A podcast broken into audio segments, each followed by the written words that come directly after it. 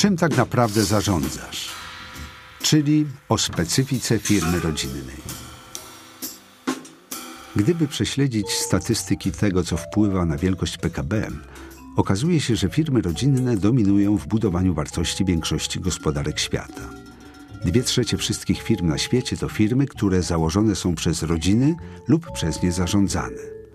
To one stanowią siłę napędową również polskiej gospodarki, dzięki czemu łagodniejsze są skutki wyhamowania gospodarczego.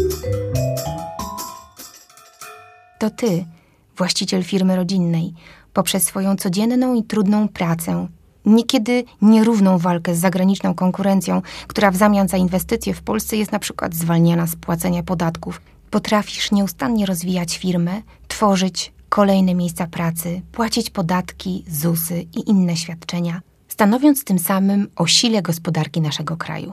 Przyczyniasz się do tego, że budowane są drogi, utrzymywane szpitale, policja, wojsko.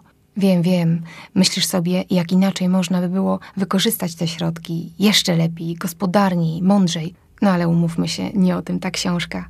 Zarządzasz czymś ważnym. Ważnym dla ciebie, dla twojej rodziny, bliskich, ale też organizacją ważną z punktu widzenia społeczeństwa, twojej lokalnej społeczności. Czujesz się odpowiedzialny nie tylko za siebie i swoich bliskich, ale też za swoich pracowników, ich miejsca pracy, byt ich i ich rodzin oraz dobrobyt lokalnej społeczności. Pracujesz nie tylko na swoje konto, ale też przyczyniasz się do tego, by co miesiąc na konto kilku, kilkunastu czy kilkudziesięciu pracowników wpłynęły wypłaty. Dlatego angażujesz się wielokrotnie bardziej, gdyż relacja ta jest bardziej osobista. Przez ten szczególny rodzaj związania z firmą staje się ona dla ciebie szczególnie ważna. To twoje kolejne dziecko, twoje oczko w głowie. Sygnujesz ją swoim nazwiskiem, kreujesz własną markę, budujesz jej wartość, dbasz o nią. Pomimo ciągłej presji rynkowej, towarzyszącej Twoim działaniom, pomimo oddechu konkurencji, który czujesz na plecach, pomimo wielu trudności i przeciwności, czujesz dumę i radość tworzenia.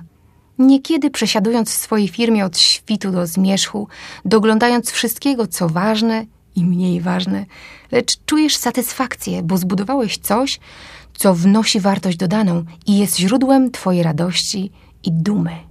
Jeśli więc chcesz, by wszystko zostało takie, jakie jest, musisz zacząć przygotowywać się do zmiany. Firma może działać przez wiele lat, nawet, co pewnie jest w tej chwili bardzo trudne do wyobrażenia, bez ciebie. Żeby to się jednak udało, żebyś miał szansę zbudować coś, co trwałe jest nie tylko dzięki tobie, musisz do całego procesu się przygotować. Wiedzieć, czym tak naprawdę zarządzasz, co jest specyficzne i charakterystyczne dla każdej firmy rodzinnej, także twojej. Byś wiedział, co oprócz władzy i majątku chcesz przekazać swoim następcom. Jaką myśl, jakie marzenie – jaką ideę, w jakie wartości chcesz ich wyposażyć, by mieli zapał do pracy taki jak masz ty i byś po latach mógł powiedzieć za Horacym Exegi monumentum, wybudowałem pomnik. Zaczynajmy.